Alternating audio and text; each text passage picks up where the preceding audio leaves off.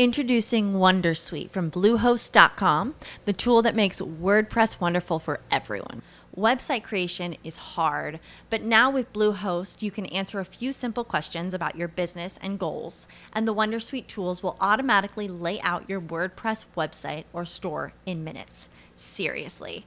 From there, you can customize your design, pick your brand colors, and add blocks. No custom theme or coding required.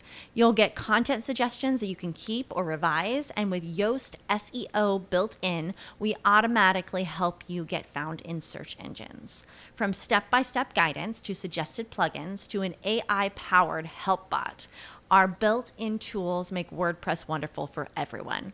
Maybe that's why Bluehost has been recommended by WordPress.org since 2005. Whether you're a beginner or a pro, you can join over 2 million Bluehost users. Go to bluehost.com slash Wondersuite.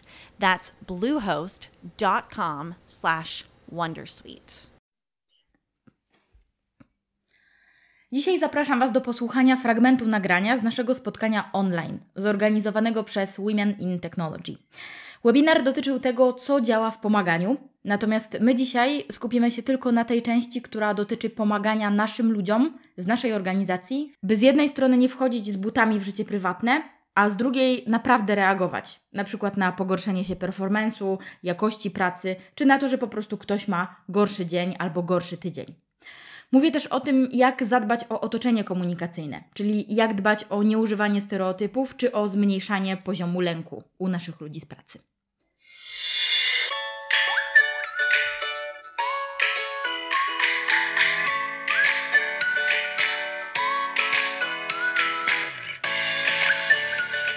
Cześć, tu Róża. Witam Was w 17 odcinku mojego podcastu Ludzie z pracy. Najbardziej ludzkiego podcastu o pracy dla wszystkich tych, którzy pracują z ludźmi i chcieliby ich, ale też siebie lepiej rozumieć. Bez znaczenia, czy prowadzicie firmę, czy prowadzicie zespół, czy po prostu chcecie pomóc w codziennych sytuacjach w pracy komuś albo sobie. Bo praca zajmuje nam za dużo czasu, żeby się wzajemnie nie rozumieć. Zapraszam do słuchania ludzi z pracy na Spotify'u, YouTubie i w aplikacjach podcasty iPhone'a i Androida. A żeby nie uciekły informacje o nowych odcinkach, do subskrybowania i followowania. Jak we wstępie, dzisiaj zapraszam serdecznie do przesłuchania fragmentu naszego spotkania online zorganizowanego przez Women in Technology w ramach programu Tech Leaders. Tech Leaders jest inicjatywą mentoringową, której mam zaszczyt być elementem jako mentor i pracować od kilku miesięcy z najlepszą i najbardziej świadomą siebie menti, o jakiej w ogóle chyba mogłam pomarzyć, a nawet chyba o takiej, której nie da się mm, pomarzyć i sobie wymarzyć. I teraz właśnie w kryzysie grupa mentorów Tech Leaders zabrała się, żeby się podzielić wiedzą ze swoich obszarów i tak powstała inicjatywa Mentors for People, w ramach którego ja mówiłam akurat o tym, tym, co działa w pomaganiu. A w dzisiejszym odcinku podcastu skupimy się na tym, co robić, żeby pomóc ludziom ze swojej pracy, właśnie. Jak komuś nie wchodzić w życie z butami, jak oddzielić jego problemy prywatne od performance'u zawodowego, no i co robić też, jeśli jedno na drugie wpływa. Zwłaszcza teraz może tak być. Ale oczywiście, zanim samo nagranie, no to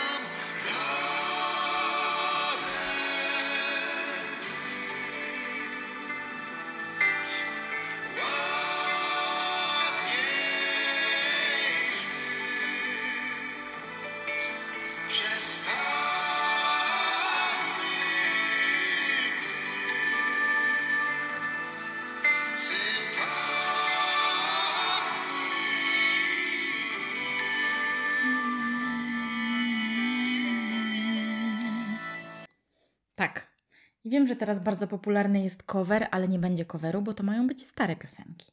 Więc był to Zbigniew Wodecki, oczywiście, jeśli ktoś nie poznał. A dzisiaj miał być odcinek z gościem, ale niestety nie będzie, ponieważ w minionym tygodniu przechodziłam przepotwornie ciężką anginę z całym białym gardłem, z kosmiczną gorączką, więc parę dni nie mówiłam i nie byłam w pełni władz umysłowych, że się tak wyrażę. Nie wiem, czy mieliście kiedyś takie porządne halucynacje przez gorączkę. Nie polecam potem e, sprawdzać telefonu z lękiem, że faktycznie ktoś Wam coś takiego napisał, co się Wam wydawało, albo że faktycznie taka rozmowa miała miejsce, która się Wam wyimaginowała gorączkowo. Ale już jest wszystko dobrze, powróciłam do żywych, więc co się odwlecze, to nie uciecze to na pewno przed nami. Tutaj też y, wór z mądrościami nam, y, wszystko przed nami, wór z mądrościami nam przyszedł z pomocą, więc co się odwlecze, to nie uciecze i to w następnym odcinku. I teraz właśnie tak sobie myślę, że to, co chcę powiedzieć, będzie wyglądało jak jakaś, jakiś zamiar kumulacji, a w ogóle nie takie było zamierzenie, że y, skoro w zeszłym tygodniu byłam tak wycięta, to teraz trzeba zrobić dwa razy więcej. A nie jest wcale tak bo w przyszłym tygodniu są dwa webinary. Jeden został przeniesiony faktycznie z poprzedniego. To jest webinar na Facebooku. Mówię o tym dlatego, że w poprzednim odcinku go zapowiadałam i on się nie odbył. Jeśli ktoś rzeczywiście kliknął w niego na Facebooku, to wszystkie informacje ma na bieżąco, bo tam informowały dziewczyny. Natomiast nie odbył się ten webinar na Facebooku, czyli live. Ten live o powrocie do nowej normalności, czyli o organizowaniu i zarządzaniu powrotami do biura. Odbędzie się za to we wtorek o 15 na wydarzeniu o nazwie Przygotowania do nowej normalności w pracy i na fanpage'u Ludzie z pracy. A drugi webinar, który organizujemy już według planu e, z moim najlepszym na świecie teamem skutecznego rekrutera IT, o tym, jak dzisiaj skutecznie rekrutować. W czwartek o 13 i tutaj zapraszam albo na naszą stronę skutecznyrekruter.it po więcej informacji, albo na stronę facebookową, na fanpage jak zostać skutecznym rekruterem IT, albo też na stronę na LinkedIna albo bezpośrednio do mnie po więcej informacji. Także wtorek i czwartek y, się spotykamy, a teraz już czas na nagranie. To, że komunikacja w kryzysie powinna być inna niż zwykle, że powinna być dużo krótsza, dużo bardziej zwięzła i też y, powinna posiadać dużo mniej tak zwanego bullshitu to jest coś, co powtarzam bardzo często. Ludzie w kryzysie mają bardzo dobrze wyostrzone detektory bullshitu. Czyli jeśli menadżerowie na przykład albo funderzy zrobią taki numer, że spotkają się z pracownikami i będą omawiać jakiś trudny temat i padną wszystkie argumenty poza jednym najbardziej kluczowym, po spotkaniu wyślą im maila na zasadzie ok, nie padło jeszcze takie i takie rozwiązanie, ale je będziemy wprowadzać. Go, idzie mail to jest coś, co poza kryzysem ludzie będą w, stanie, w stanie na to przymknąć oko. Natomiast teraz w poczuciu niepewności i w poczuciu, w podwyższonym poczuciu zagrożenia jest ogromne na to wyczulenie. Tak jak już mówiłam wcześniej, jesteś dużo łatwiej nas, jesteśmy, dużo łatwiej się denerwujemy, nie mamy tego efektu ludzkiej twarzy, więc też mamy mniej cierpliwości i jeśli chodzi o taki bullshit, to bardzo szybko to będzie demaskowane. I na to powinniśmy bardzo uważać. Kolejna rzecz, jeśli chodzi o komunikację liderów, to jest komunikacja etapowa. Mamy taką skłonność, że rzeczywiście czaimy się e, na przekazywanie trudnych decyzji. Mamy taki e, problem, mamy taki lęk też, że z jednej strony boimy się konfrontacji i jeśli chcemy coś trudnego ludziom przekazać, to wiemy, że oni nie zareagują na to pozytywnie, więc chcemy, żeby tego zła było jak najmniej. To znaczy, chcemy to maksymalnie skondensować, zrobić jedno spotkanie, rzucamy bombę i uciekamy. I to jest najgorsze, co można zrobić. To jest zrozumiałe od strony psychologicznej, że po prostu generuje w liderach, jako w ludziach, tak duży stres, że boją się tego, unikają tego albo odwlekają, albo na przykład później mamy takie kwiatki na rynku, na rynku pracy, jak nagrywanie wideo i wysyłanie ludziom po prostu w mailu nagranego wideo, że bardzo Ci dziękuję za współpracę, ale jednak się nie zdecydujemy. Natomiast y, ludzie, rynek HR-owy o tym opowiada jako o jakimś strasznym fakapie i, i, i o Jezu, natomiast ja widzę to jako zwykły lęk liderów. To znaczy, z tego co wiem, nie było tam w przypadku tej firmy takiej sytuacji, że było to niemożliwe do ogarnięcia czasowo, bo można było się z każdym zdzwonić na 5 minut, ale po prostu liderzy się boją.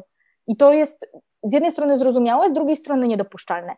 Więc to, żeby ludzi włączać w tryb naszego myślenia stale i na bieżąco, to znaczy, żeby jeśli na przykład musimy zakomunikować jakąś trudną decyzję, będziemy y, robić jakąś zmianę czy będziemy, pewnie teraz staniemy niedługo przed taką decyzją, żeby mm, gdzieś tam stopniowo ludzi nakłaniać do powrotów do biura. Oczywiście bez narażenia ich na jakieś zdrowotne ryzyka, natomiast no, będziemy musieli się z tym zmierzyć i będą na pewno tacy ludzie, którzy nie będą chcieli tego robić. Więc to, co musimy robić, to komunikować się etapami, czyli mówić, OK, teraz jesteśmy na takim etapie, że wydaje nam się, że albo mamy takie i takie revenue i widzimy, że mamy mniej przychodu niż mieliśmy. I w związku z tym za tydzień robimy, czy za parę dni robimy kolejny update, że widzimy, rozmawialiśmy z financial officerem czy z dyrektorem finansów, że będziemy musieli oszczędzić. Albo widzimy, że większość firm powraca już do biur, więc stopniowo chcemy to też wprowadzać. Czyli żeby ludzi nie zaskakiwać, po pierwsze, a po drugie, żeby nie uciekać. Czyli żeby się skonfrontować, żeby się nie bać tego, że ktoś będzie myślał inaczej niż my. Mamy mm, taki tutaj kolejna ludowa mądrość, y, zgoda buduje, niezgoda rujnuje, że wydaje nam się, że musimy się wszyscy zgadzać. I że y, dobra firma jest wtedy, jak wszyscy myślą podobnie i wszyscy się y, dobrze się komunikujemy, czyli zgodnie, jesteśmy zgodni. W ogóle tak nie jest. To znaczy, jest to zbadane też, że do, nawet do 30% bardziej efektywne są organizacje, w których ludzie się różnią. Mają różne punkty widzenia, y, różne pochodzenie, różny status materialny i z tych różnic wynikają też różne punkty widzenia, różne bańki informacyjne, w których ludzie żyją i to jest ok. To znaczy to, że ktoś Wam zada na forum jako liderom niezręczne pytanie, to naprawdę nie świadczy o Was źle. To świadczy o Was dobrze, bo bądźcie pewni, że jeśli nie padnie to pytanie na forum, i nie ma takiej przestrzeni, nie stwarzacie jako firma takiej przestrzeni, żeby to móc po prostu na głos powiedzieć, to ludzie i tak to powiedzą. Tylko wyjdą, powiedzą to na papierosie, albo stworzą jakiś kanał na komunikatorze, gdzie po prostu będą wrzucać memy y, z wami w roli głównej. Po co? Jeśli daj, dacie im do tego przestrzeń, żeby nawet mogli zaatakować waszą decyzję, żebyście mogli nie, nie tyle się z niej wytłumaczyć, co włączyć ich w swój sposób myślenia, w, swój, w swoją trakcję. Czyli powiedzieć, OK, myślałam też o tym, żeby zwolnić na przykład 30% z Was, bo dostałam na przykład informację od CFO, że muszę obciąć koszty ludzi, więc mogłam zwolnić 30% z Was, ale wybrałam obcięcie wynagrodzeń. Wolę poprosić Was o to, żebyście zarabiali mniej. Jeśli ktoś nie jest się w stanie na to zgodzić, jest mi bardzo przykro, ale musimy się pożegnać. I to jest, to jest super ważne. Kolejna rzecz, walka ze stereotypami.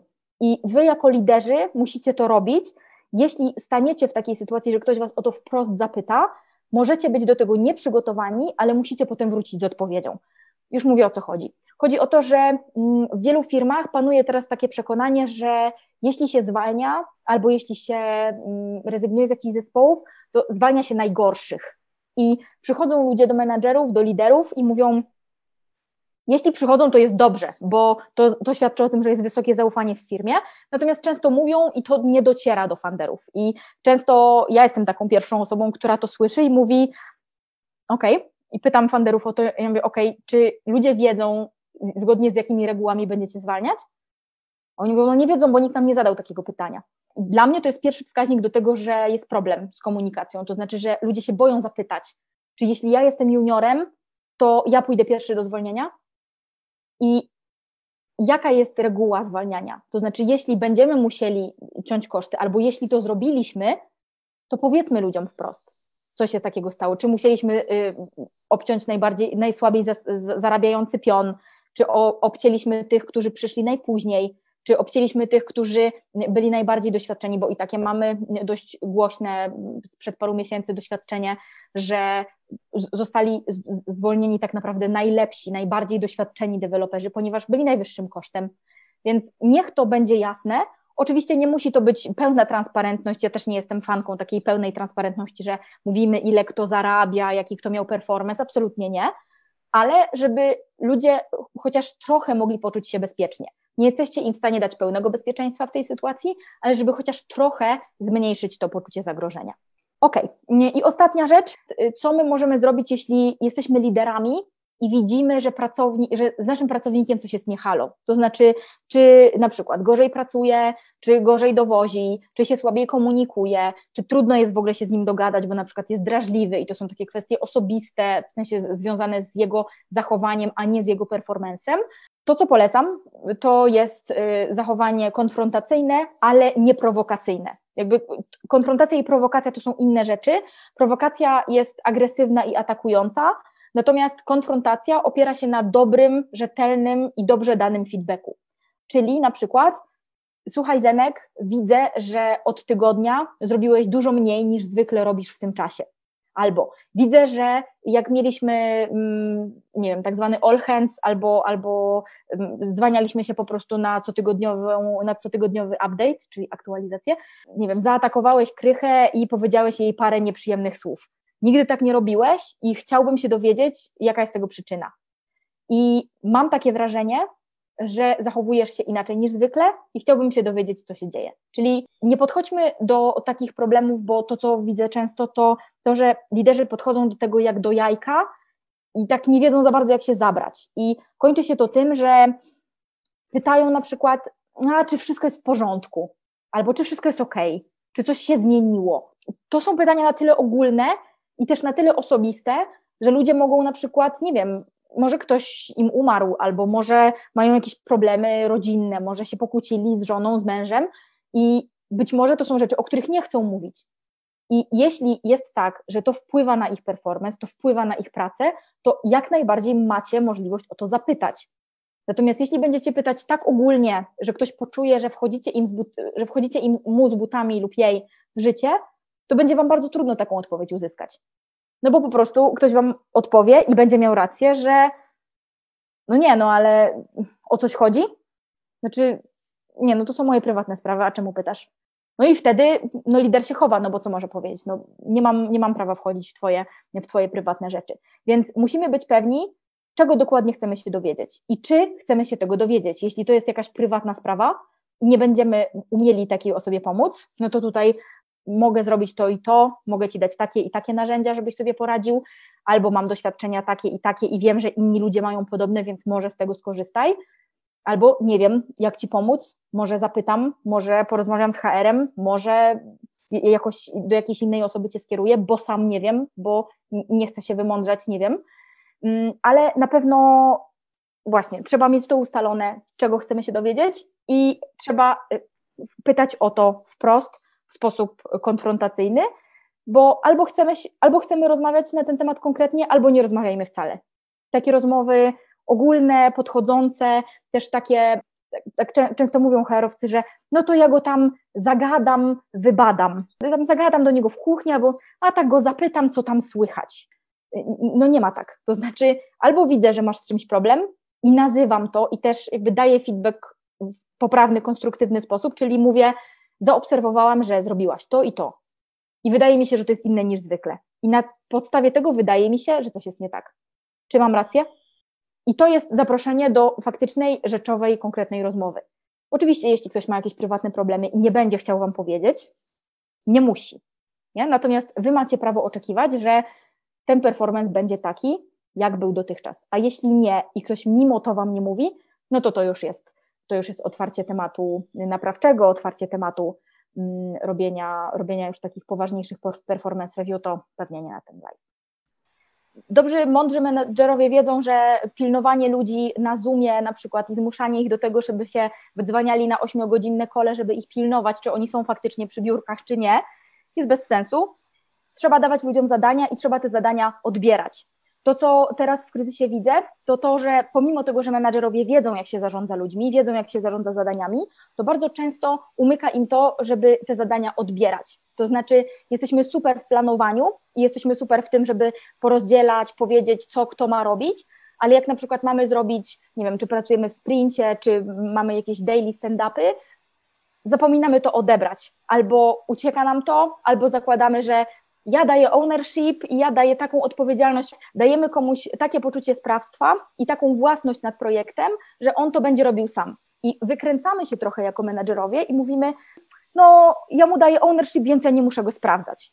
To nie jest tak. To znaczy, jeśli ktoś wykona pracę, to on ją wykonuje po to, żeby podsumować pewne rzeczy. Zdolność zamykania zadań i zdolność kończenia i mówienia, dobra, to jest zrobione, mogę to czy skreślić na liście, czy odhaczyć, czy jeśli pracuję w Trello, czy w Asanie, przenieść po prostu do innego obszaru dan, to jest coś, co jest bardzo nagradzające i działa też na nasz ośrodek nagrody.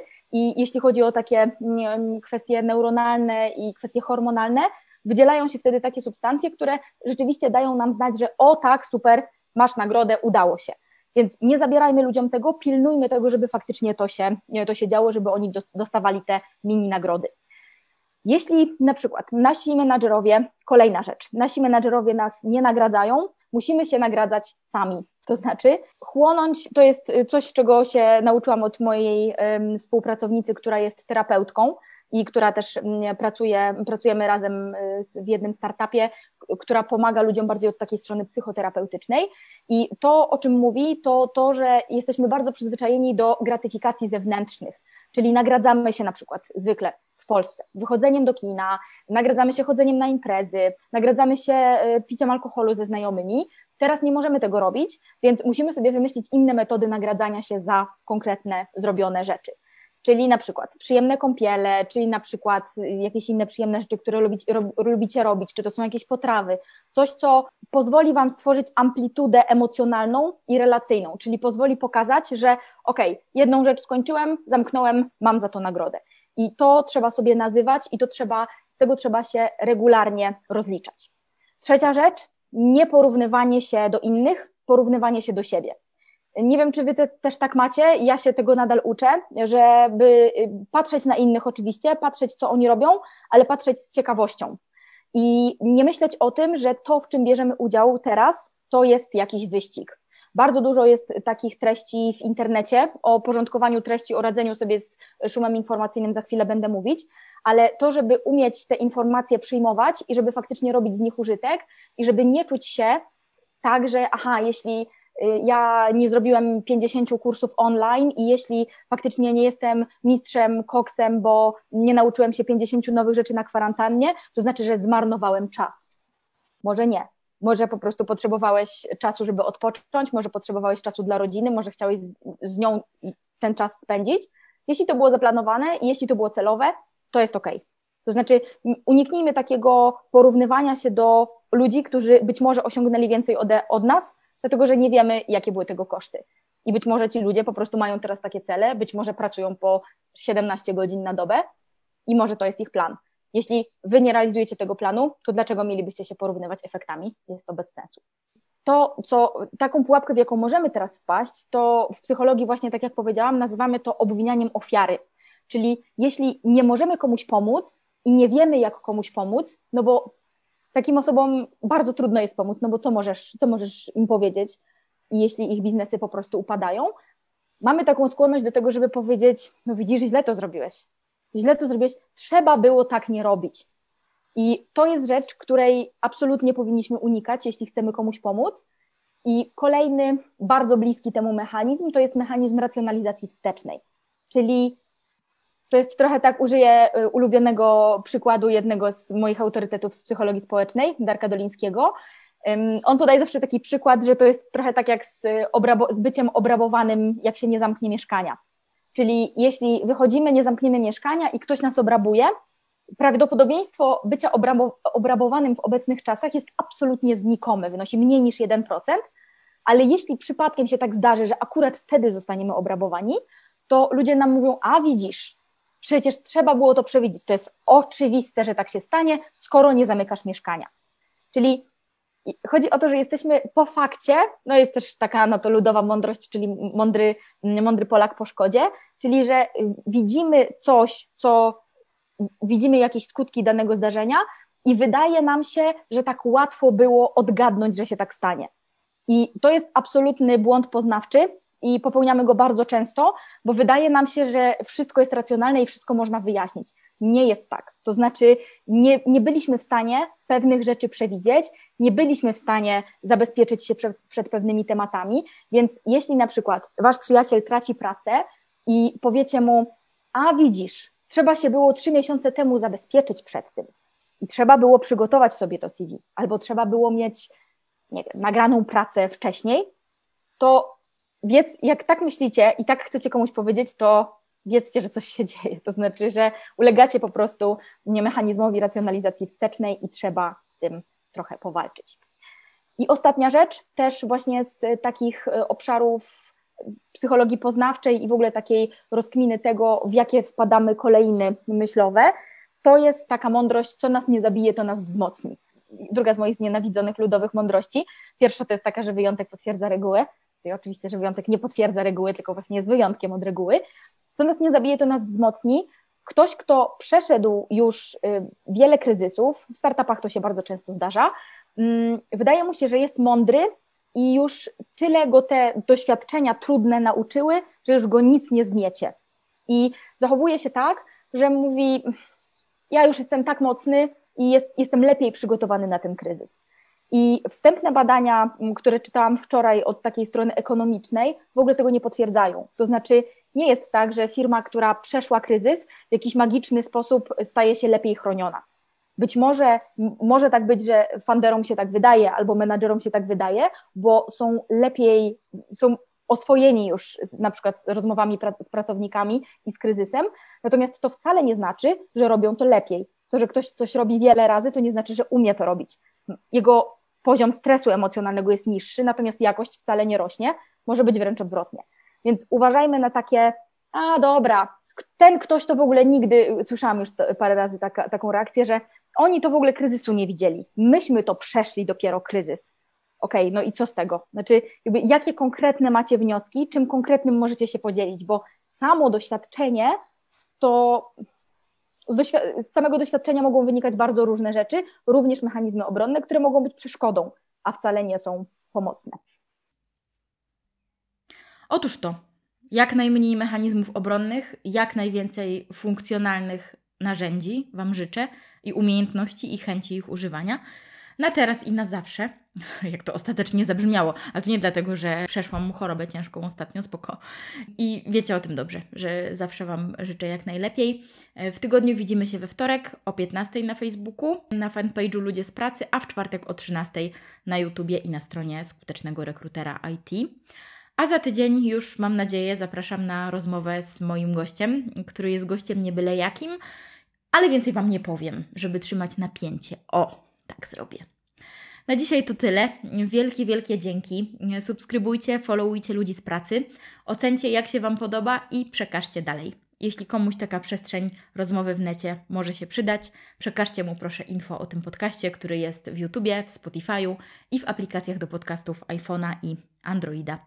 A jeśli chcecie o coś dopytać albo zasugerować, znajdziecie mnie, Róża Szafranek, na Instagramie i na LinkedInie.